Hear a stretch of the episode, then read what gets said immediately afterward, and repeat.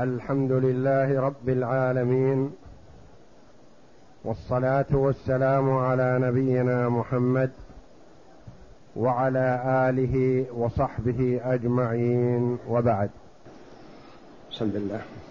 بسم الله الرحمن الرحيم. قال المؤلف رحمه الله فصل وإذا قال المقرض إذا مت فأنت في حل. إن مت. وإذا قال المقرض إن مت فأنت في حل فهي وصية صحيحة.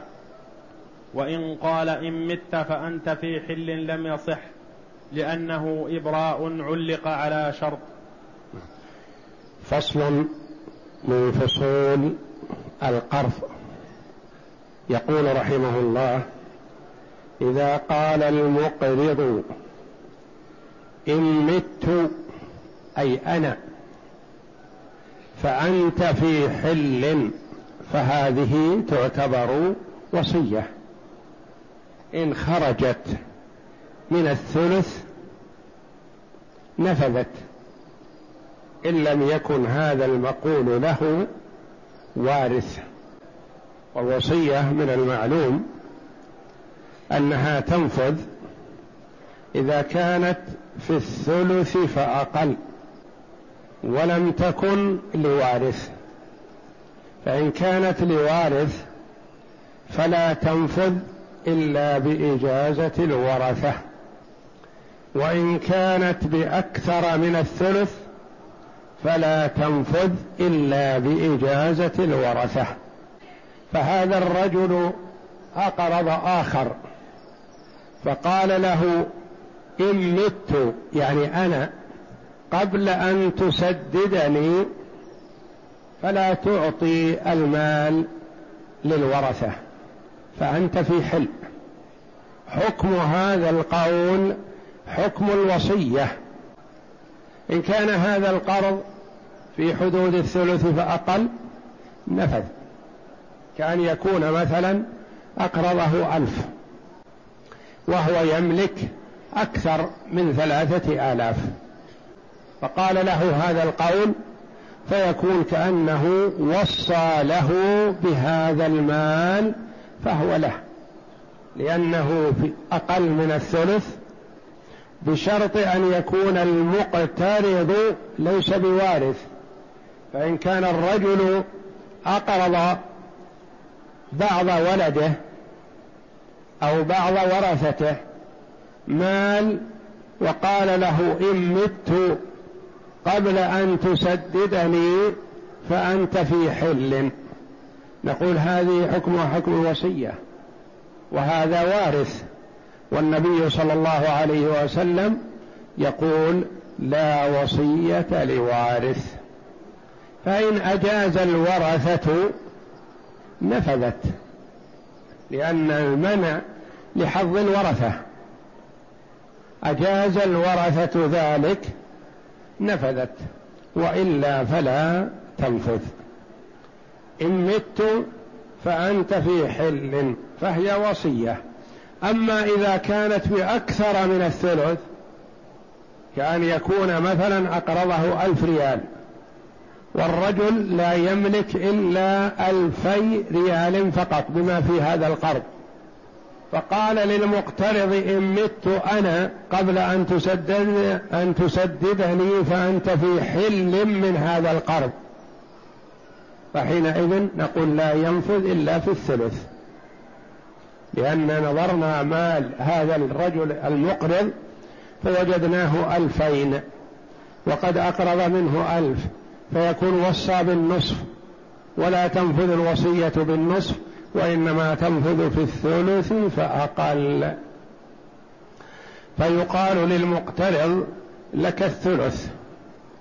ثلث الألفين فقط وليس لك الألف كامل وإنما ثلثها. فيأخذ ثلث الألفين والباقي يسدده للورثة. نعم. وإن قال اقرض لي مئة ولك عشرة. وإن قال إن مت فأنت في حل وإن قال إن مت فأنت في حل لم يصح. فرق بين أن يقول إن مت أنا قبل أن تسددني فأنت في حل هذه وصية. والوصية تنفذ. وإذا قال إن مت أنت قبل أن تسددني فأنت في حل نقول لا هذا ما ينفذ. لما؟ لأنه إبراء معلق على شرط فلا ينفذ بل عليه على ورثته أن يسددوا هذا إلا إن تنازل بعد الوفاة.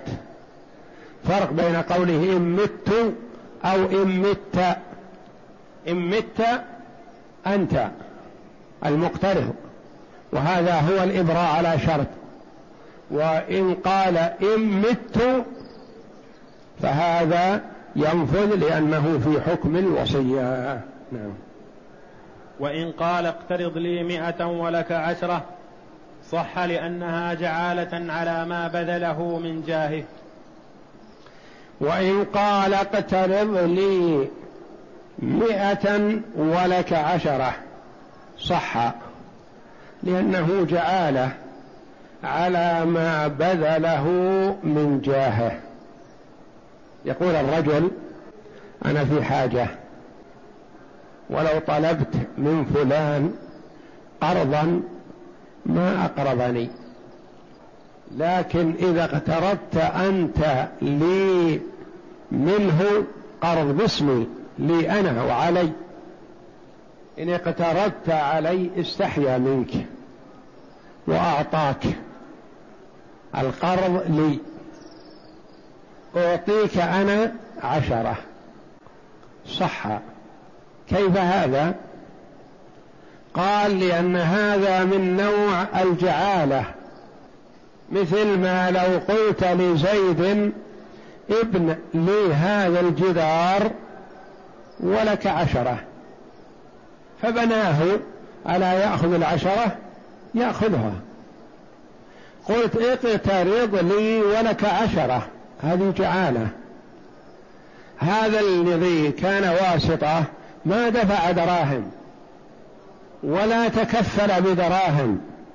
ما كفلك ولا دفع شيئا. فهو عمل عملا لأجلك. فيصح هذا ولا ربا فيه. بخلاف ما لو قال اكفلني عند فلان بمئة.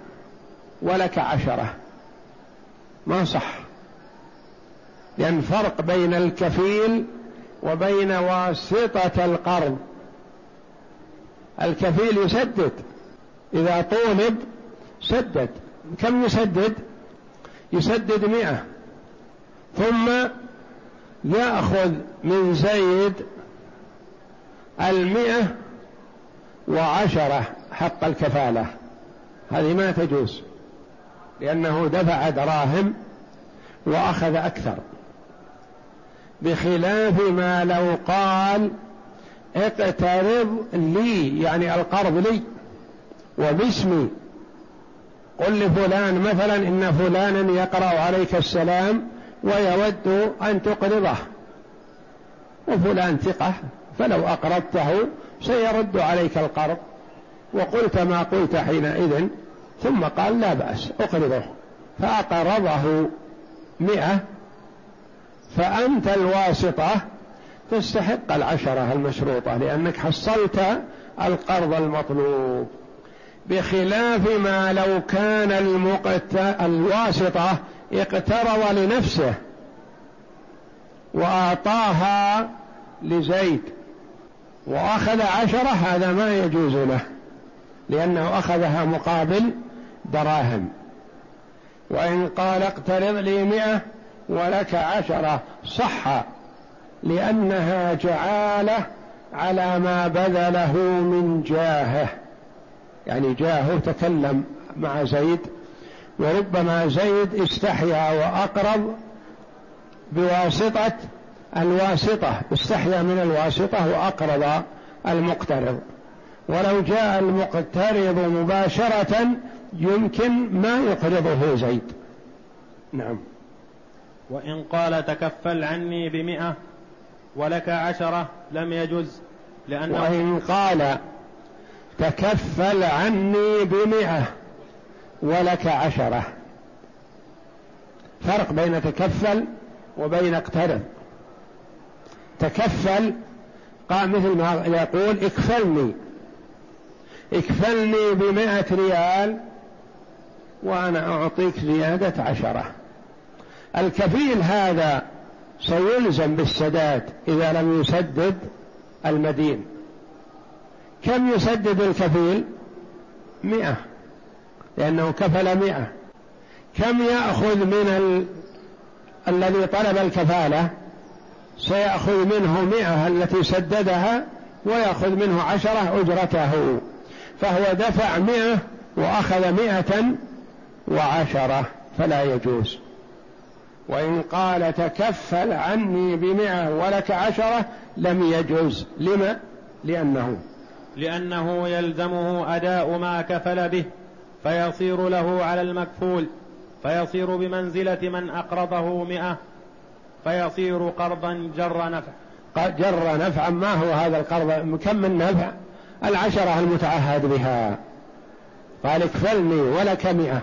ولك عشرة. اكفلني بمئة ولك عشرة. الكفيل كفل. قال أنا أكفل هذا بمئة. التفت صاحب الحق على المدين ما وجد عنده شيء.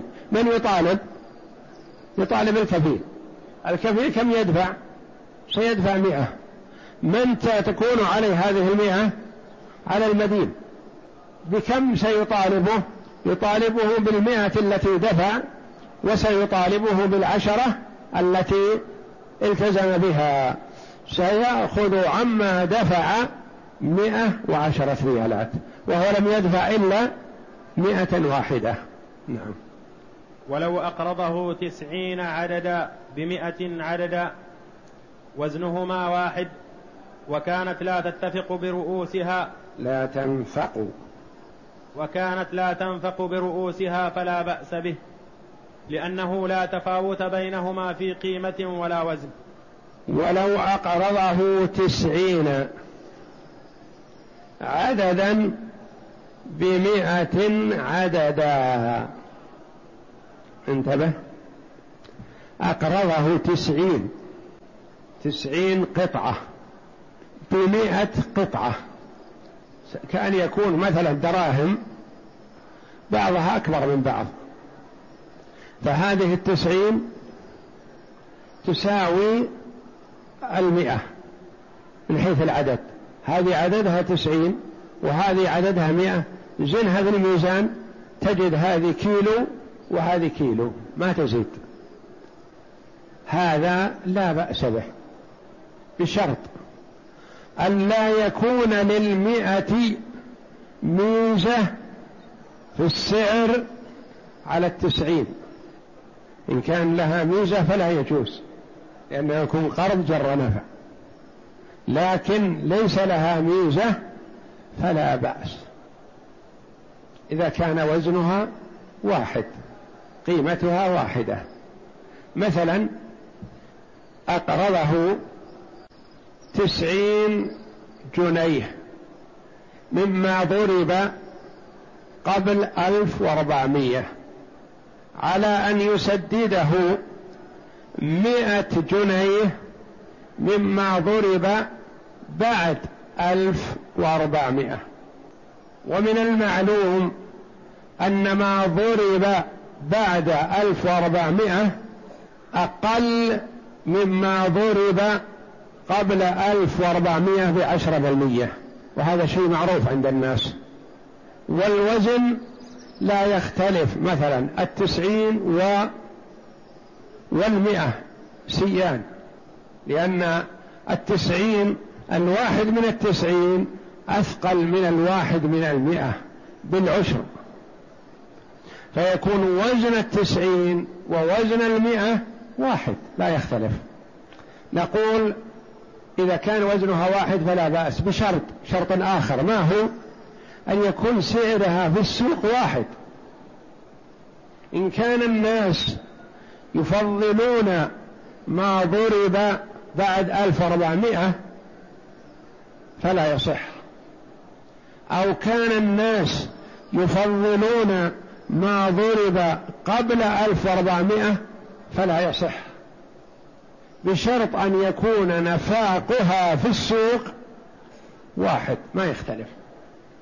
مثل على سبيل المثال التقريبي مثلا خمسمائة ريال. قطعة واحدة مثلا فئة خمسمائة أو فئة خمسمائة أو خمسمائة ريال فئة مئة أو خمسمائة ريال فئة خمسين ريال. هذه قيمتها ونفاقها في السوق واحد. أنت مطالب بخمسمائة نقدت ورقة واحدة؟ أو نقدت خمس ورق؟ أو نقدت عشر ورق من فئة الخمسين كل واحد. ومثل ذلك مثلا الذهب أو الفضة. المجموع هذه مثل مجموع هذه سواء بسواء. لا يختلف وزنا ولا في السوق. بخلاف ما يختلف وزنا ويختلف في السوق فلا. على سبيل المثال في الدولار مثلا فيما أعلم إن فئة أغلى عند الناس من فئة.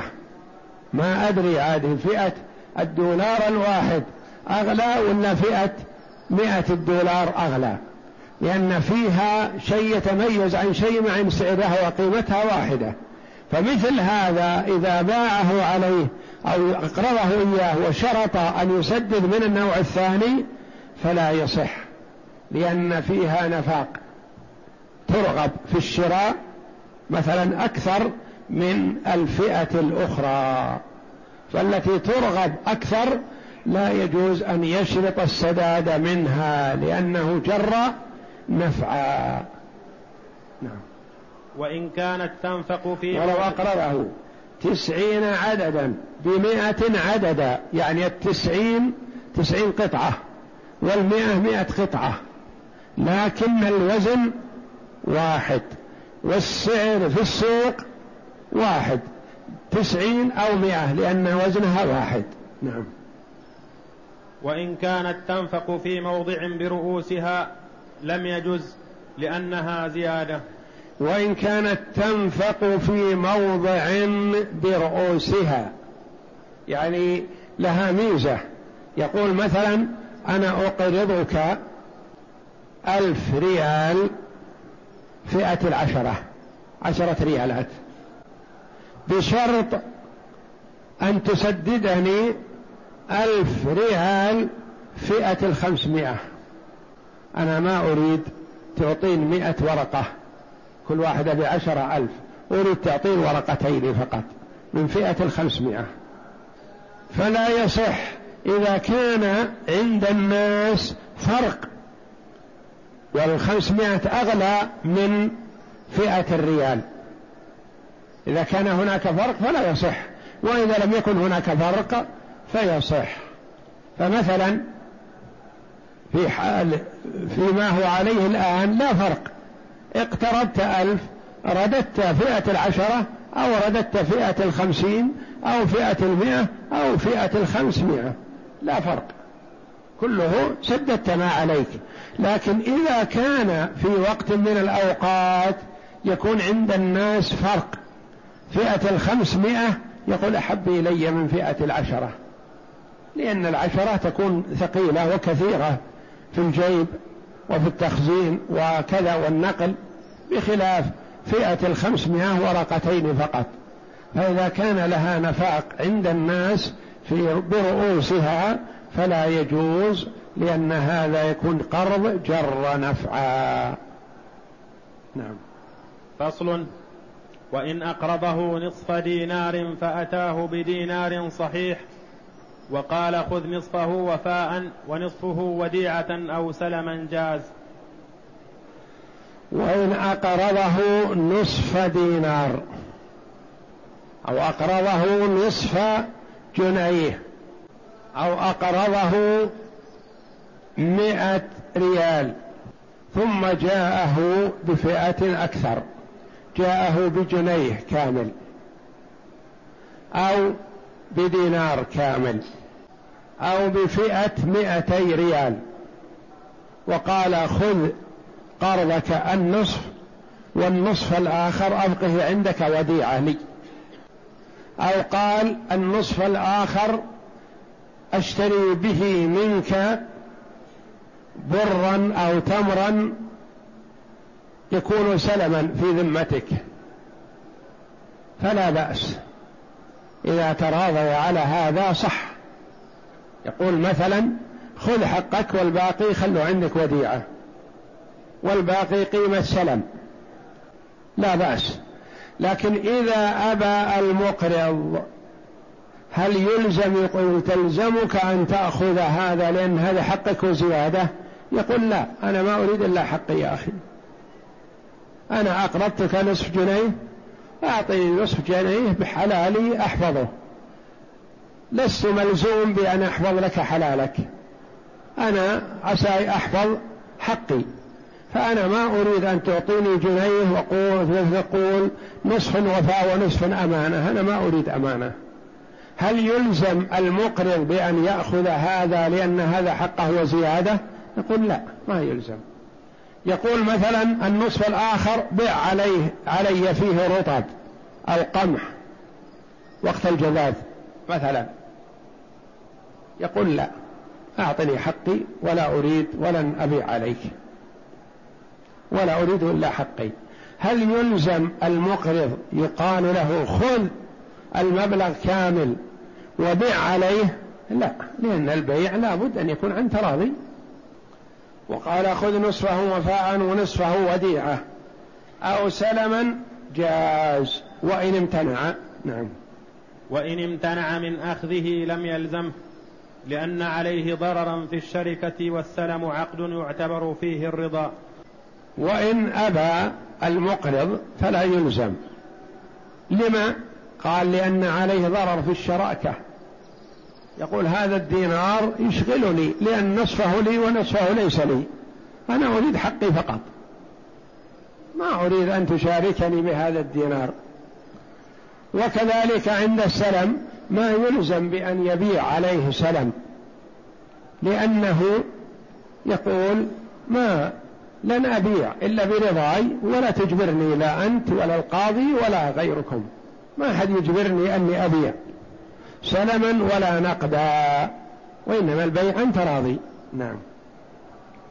ولو أقرضه نصفا قراضة على أن يوفيه نصفا صحيحا لم يجز لأنه شرط زيادة. شرط. لأنه شرط زيادة. ولو أقرضه نصفا قراضة. القراضة الشيء الذي ليس بكامل فيه دخل إما فيه غش أو فيه عيب فيه عيب أيا كان.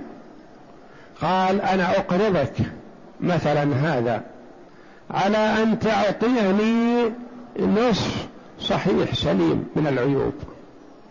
هل يصح؟ لا هذا ظاهر لأنه شرط زيادة. مثل يقول هذه معي ورقة فئة مئة ريال مقطوعة. يعرضها على هذا ما يقبلها يعرضها على هذا ما يقبلها يعرضها على هذا ما يقبلها. جاء المقترض قال أقرضني إياها قال على شرط ما تعطيني مثلها مقطوعة هذه أبحلتني وأتعبتني أعرضها على كل من اشتريت منه شيئا ما قبلها. يقول نعم أنا أعطيك مئة جديدة هل يصح؟ لا. لأن هذا قرض جر نفعا. لأنه ربما ذهب منك وباع هذه العشرة أو المئة باعها بأقل من قيمتها لأنها معيبة فيها شق فيها ساقط. فيبيعها بأقل فكأنه أخذ منك تسعين ويسلمك مئة. فلا يجوز.